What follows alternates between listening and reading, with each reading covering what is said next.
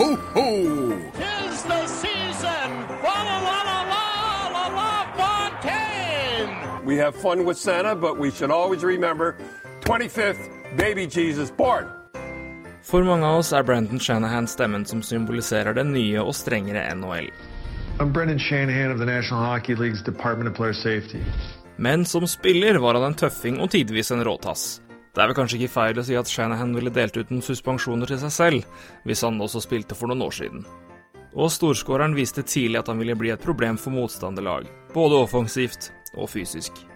I sitt første år i ligaen overfalt han Rick Vive, en veteran i sin ellevte sesong i NHL. Tilsynelatende helt uten grunn. Men Shanahan hadde sine årsaker.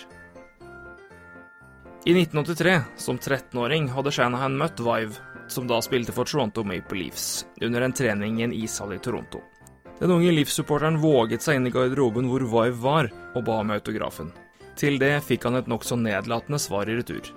Og det glemte han aldri. Fire år senere ble han draftet til NHL av New Jersey Devils. I Shanahans debutsesong møtte Devils Buffalo Sabres, hvor Rick Vive nå spilte.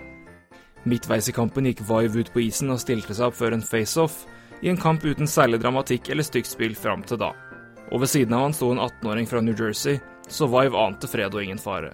Men sekunder senere gikk Shanahan løs på veteranen.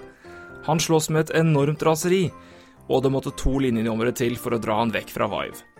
Sabres-spilleren skjønte ingenting, men fikk etter hvert forklart bakgrunnen for overfallet av Shanahans lagkamerater. Jeg tipper han var litt hyggeligere med unge autografjegere etter det.